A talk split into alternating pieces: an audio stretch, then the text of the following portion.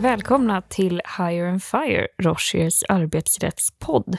Rochier är en affärsjuridisk byrå med kontor i Stockholm och Helsingfors. Vi som spelar in Hire and Fire sitter här på Stockholmskontoret. Mitt namn är Elin Osbeck och jag är Senior Associate i Rochiers arbetsrättsteam. Och med mig i studion idag har jag min kollega Peder. Hej Peder!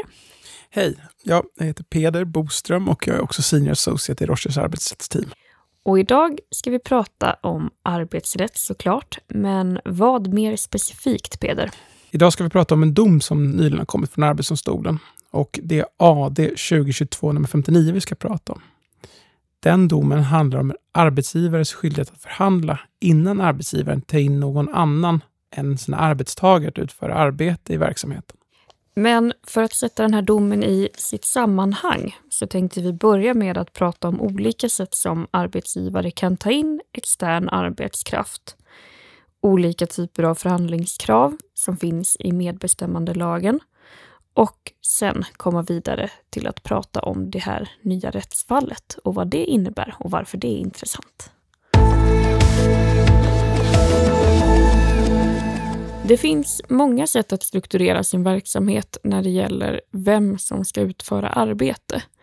Och den klassiska modellen är ju att arbetsgivare eller bolag då har personer anställda i verksamheten som utför arbete och då är de arbetstagare. Men det finns ju många andra sätt att lägga upp det här på och nu på senare år har ju exempelvis gigföretag kommit upp i debatten, men även bemanningsföretag. Och en mer traditionell modell för det hela är rena underentreprenörer. Och det kan vara så att innan man som arbetsgivare tar in personer för att utföra arbete på något annat sätt än att man är arbetstagare i verksamheten, så kan det vara så att man som arbetsgivare behöver förhandla det här med facket innan man beslutar om det. Och det är det vi ska prata om idag. Så vi går direkt på de här olika typerna av förhandlingsskyldighet.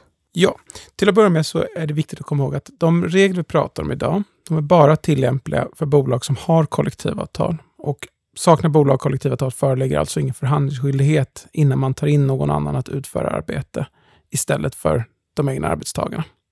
Den första förhandlingsskyldigheten vi ska gå igenom är förhandlingen enligt MBL 11. Och MBL 11 är ju då den, den allmänna förhandlingsskyldigheten vid viktigare förändringar i verksamheten. Och MBL, för er som inte redan vet det, är ju medbestämmandelagen. Och den här förhandlingsskyldigheten den, den inträder om så att säga, anlitandet av en underentreprenör, bemanningsföretag eller någon annan som ska utföra arbete istället för arbetsgivarens egna anställda. Om det är första gången man gör det, eller om man har, det är ett sätt att förändra verksamheten, då kan man ha en förhandlingsskyldighet avseende den typen av anlitande enligt MBL 11. Och då är det i så fall själva förändringen av sättet att bedriva verksamheten som ska förhandlas. Och det här hänger ihop med att elfte paragrafen i medbestämmandelagen är tillämplig vid viktigare förändring av verksamheten. Den andra förhandlingsskyldighet man kan ha när man som arbetsgivare vill ta in någon att utföra arbete istället för den egna personalen är förhandlingsskyldighet enligt 38 till 40 i MBL. Och vad innebär det? 38 paragrafen MBL reglerar i vilka tillfällen eller vilka situationer som en arbetsgivare ska påkalla förhandling med facket. 39 anger att facket under vissa omständigheter har möjlighet att lägga veto mot arbetsgivarens beslut att ta in arbetskraft genom ett externt företag. Och 40 gäller under vilka förutsättningar som en arbetsgivare trots det kan strunta i det veto som facket lagt då enligt 39 paragrafen. Men vi ska börja med att gå igenom vad 38 paragrafen innebär och i vilka lägen man behöver förhandla enligt 38. Och spännande med veto. För den som är lite bekant med arbetsrätt så har ju facket generellt inte veto, utan man har en förhandlingsskyldighet. Men här finns det alltså ett veto. Spännande. 38 paragrafen MBL innebär att en arbetsgivare som vill ta in någon att utföra arbete istället för bolagets egen personal då ska förhandla. Men den här förhandlingsskyldigheten är inte absolut, utan det krävs vissa förutsättningar uppfyllda för att en förhandlingsskyldighet ska föreligga. Och det första kravet är att det arbete som man vill ta in arbetskraft att utföra, täcks av det kollektivavtal som arbetsgivaren är bunden av. Och många kollektivavtal har ju ett väldigt brett tillämpningsområde. Ibland kan det vara så brett som i princip allt som faller under arbetsgivarens verksamhet. Och då blir ju tillämpningen av den här paragrafen i sin tur väldigt bred. Men däremot, så att säga, inom de delar av arbetsmarknaden där man har så att säga, med smala kollektivavtal, så föreligger alltså inte förhandlingsskyldighet. Det kan vara till exempel inom byggindustrin där någon förhandlingsskyldighet inte föreligger om man som byggföretag ska ta in någon som arbetar med VVS-arbete till exempel. Och finns det fler förutsättningar? Ja, en arbetsgivare är inte heller skyldig att förhandla om det arbete som ska utföras är av kortvarig och tillfällig natur eller kräver särskild sakkunskap. Kortvarig och tillfällig natur innebär att det får inte vara något så frekvent återkommande, utan något tillfälligt som behöver göras i verksamheten och där det liksom inte känns riktigt lönt att förhandla innan man gör det. Och vad det gäller särskild sakkunskap så är det undantaget tänkt att träffa saker som ja, men kräver verkligen särskild sakkunskap och något som är lite främmande för verksamheten, till exempel att ta in hjälp från en advokatbyrå. Det ska också noteras att det här undantaget så att säga, för kortvarig eller tillfällig natur eller särskild sakkunskap inte tillämplig om det är fråga om inhyrning av arbetstagare i enlighet med lag om uthyrning av arbetstagare. Så då föreligger ett undantag från undantaget? Precis. Och från då arbetsgivarens förhandlingsskyldighet enligt 38 paragrafen till fackets möjlighet till veto enligt 39 paragrafen i medbestämmandelagen. Vad innebär den? Fackets veto innebär att arbetsgivaren blir förbjuden av facket att anlita den entreprenör man har tänkt att anlita. För att facket ska ha rätt att lägga veto förutsätter det att den tilltänkta åtgärden kan tänkas medföra att lag eller kollektivavtal för arbetet åsidosätts eller att anlitandet på annat sätt strider mot vad som är allmänt godtagbart inom parternas avtalsområde. Och vad innebär det? Ja, det krävs inte att arbetsorganisationen kan bevisa att det anlitade företaget kommer bryta mot några avstånd, men det krävs något mer än allmänna påståenden. Och vad skulle det kunna vara för någonting? Jo, det skulle kunna vara att den entreprenör man har tänkt att anlita historiskt har brutit mot arbetsrättsliga förpliktelser. Eller att det handlar om egenföretagare som i själva verket nog är betraktas som anställda, att man så att säga, anlitar grå arbetskraft som det ibland kallas. Men det innebär inte så att, säga, att, att man har möjlighet att lägga veto om den här entreprenören bryter mot annan lagstiftning. Och då undrar man ju, vad händer för en arbetsgivare när facket har lagt veto? Finns det möjlighet att gå vidare ändå? Och med dagens mest ledande fråga kommer vi till 40 paragrafen medbestämmandelagen, att genombryta veto. Ja, om det är så att facket har lagt vetot utan att fog för det, kan en arbetsgivare ignorera vetot, men risken finns då att man drabbas av skadeståndsansvar.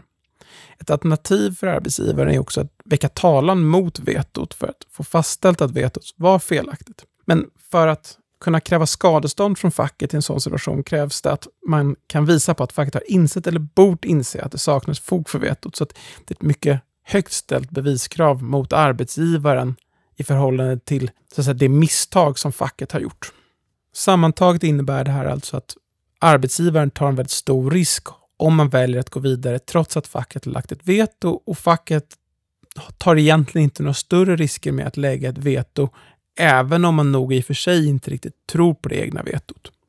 Fackets vetorätt för oss då också på sätt och vis tillbaka till vad den här förhandlingen är tänkt att handla om. Själva syftet med förhandlingen enligt 38 paragrafen är att facket ska få tillgång till sån information som man behöver för att kunna ta ställning i själva vetofrågan. Och den var ju alltså om man kunde, eh, om det kunde finnas risk för att det skulle ske brott mot lag eller kollektivavtal eller mot vad som annars är godtagbart inom parternas avtalsområde. Vad som dock kan vara värt att ta med sig i det här sammanhanget är ju att det finns ju ingen möjlighet att lägga veto för att så fel kollektivavtal tillämpas. Så att även om det är så att facket tycker att en viss verksamhet ska bedrivas under viss kollektivavtal betyder inte det i sig att det finns någon möjlighet att lägga veto. Det kan också vara värt att i det här sammanhanget komma ihåg att det finns förhandlingsordningar i många kollektivavtal. Och de här kollektivavtalen kan då innehålla helt andra regler än de regler vi nu har diskuterat. Och det är något man behöver då säkerställa i sitt eget kollektivavtal. Och med den här rättsliga bakgrunden så kommer vi ju in på det som egentligen var bakgrunden till dagens tema, nämligen den nya domen som kom i slutet på förra året, AD 2022 nummer 59. Ja, domen handlar om ett anlitande som bolag A gjort av bolag B. Där bolag B redan från början har angivit att man kommer att anlita en underentreprenör. Det här anlitandet förhandlades med ett fackförbund och i förhandlingen förklarade bolag A att bolag B då skulle anlita en underentreprenör för att sköta det här arbetet. Senare kom bolag B att byta vilken underentreprenör de i sin tur hade för att sköta bemanningen av det här uppdraget. Och det är det här bytet som facket nu gör gällande att bolag A borde ha förhandlat med facket. Men det här är alltså inte ett beslut som fattades av bolag A, utan ett beslut som fattades av bolag B. Och det Arbetsdomstolen kommer fram till i domen är att bolag A inte kan lastas för att bolag B har valt att byta entreprenör. Däremot så skulle det självklart kunna vara så, och det skriver ju också AD i domen, att bolag B skulle vara förhandlingsskyldigt i förhållande till sina fackförbund för det här bytet av leverantör. Men Arbetsdomstolen säger alltså att det inte finns någon anledning att, så att säga, jämställa den här situationen med situationen att ett bolag använder ett annat koncernbolag för att göra det formella anlitandet. Hur påverkar det här arbetsmarknaden i stort? Finns det några andra som påverkas av den här domen? Ja, nej men det, det, här är en viktig dom på så sätt att det är ganska vanligt med situationer där man först anlitar ett bolag och att det bolaget i sin tur anlitar ett annat bolag. Och Den här domen får då konsekvenser för alla de fall där man har gjort på det sättet. Och domen har sannolikt även betydelse i de fall där förhandlingsskyldighet inte finns i första ledet av den här kedjan. Domen får sannolikt också förstås på det sättet att den har betydelse för frågan vad som händer i de fall där man inte har förhandlingsskyldighet i det första ledet av anlitande. Till exempel om man har ett kollektivavtal med ett fackförbund på arbetområdet och tar in ett tjänstemannaföretag så att säga, i första ledet och de i sin tur tar in en underentreprenör för att sköta visst arbete som faller under arbetaravtalet. I det läget får man nog förstå domen att det inte föreligger någon förhandlingsskyldighet heller. Och det i sin tur beror på det undantag från förhandlingsskyldigheten som finns enligt 38 paragrafen, kollektivavtalets tillämpningsområde. Nej, men, och en, en annan vanlig situation är ju att man tar in ett konsultföretag för att sköta någon uppgift och att det här konsultföretaget sen tar in underkonsulter att sköta vissa uppgifter. Och den situationen träffas då alltså inte, utan det som behöver förhandlas är anlitandet av då den första konsulten i den här kedjan. Men övriga konsulter, de omfattas inte av den förhandlingsskyldighet som uppdragsgivaren har i förhållande till sitt fackförbund. Och avslutningsvis, vad tycker vi att ni som arbetsgivare ska ta med er från den här podden om arbetsgivares förhandlingsskyldighet i relation till extern arbetskraft? Ja, det första är, glöm inte bort förhandlingsskyldigheten. Det här är väl en av de förhandlingsskyldigheter som det slarvas mest med. Kom ihåg att facket inte har möjlighet att lägga veto i, säga, i vilka situationer som helst. Men de har ju ändå just ett veto, vilket är väldigt speciellt för den här typen av frågor. Och kom ihåg att förhandlingsskyldigheten alltså inte träffar situationen där er underentreprenör senare gör ett eget anlitande. Utan arbetsgivaren är bara ansvarig för sitt eget anlitande och förhandlingen av den. Ja, precis. Och med de orden avslutar vi det här avsnittet om arbetsgivares förhandlingsskyldighet vid extern arbetskraft. Om ni har några frågor eller tips på poddämnen så hittar ni våra kontaktuppgifter på rocher.com. Vi som spelade in podden heter Elin Olsbeck och Peder Boström. Tack för den här gången. Hej då!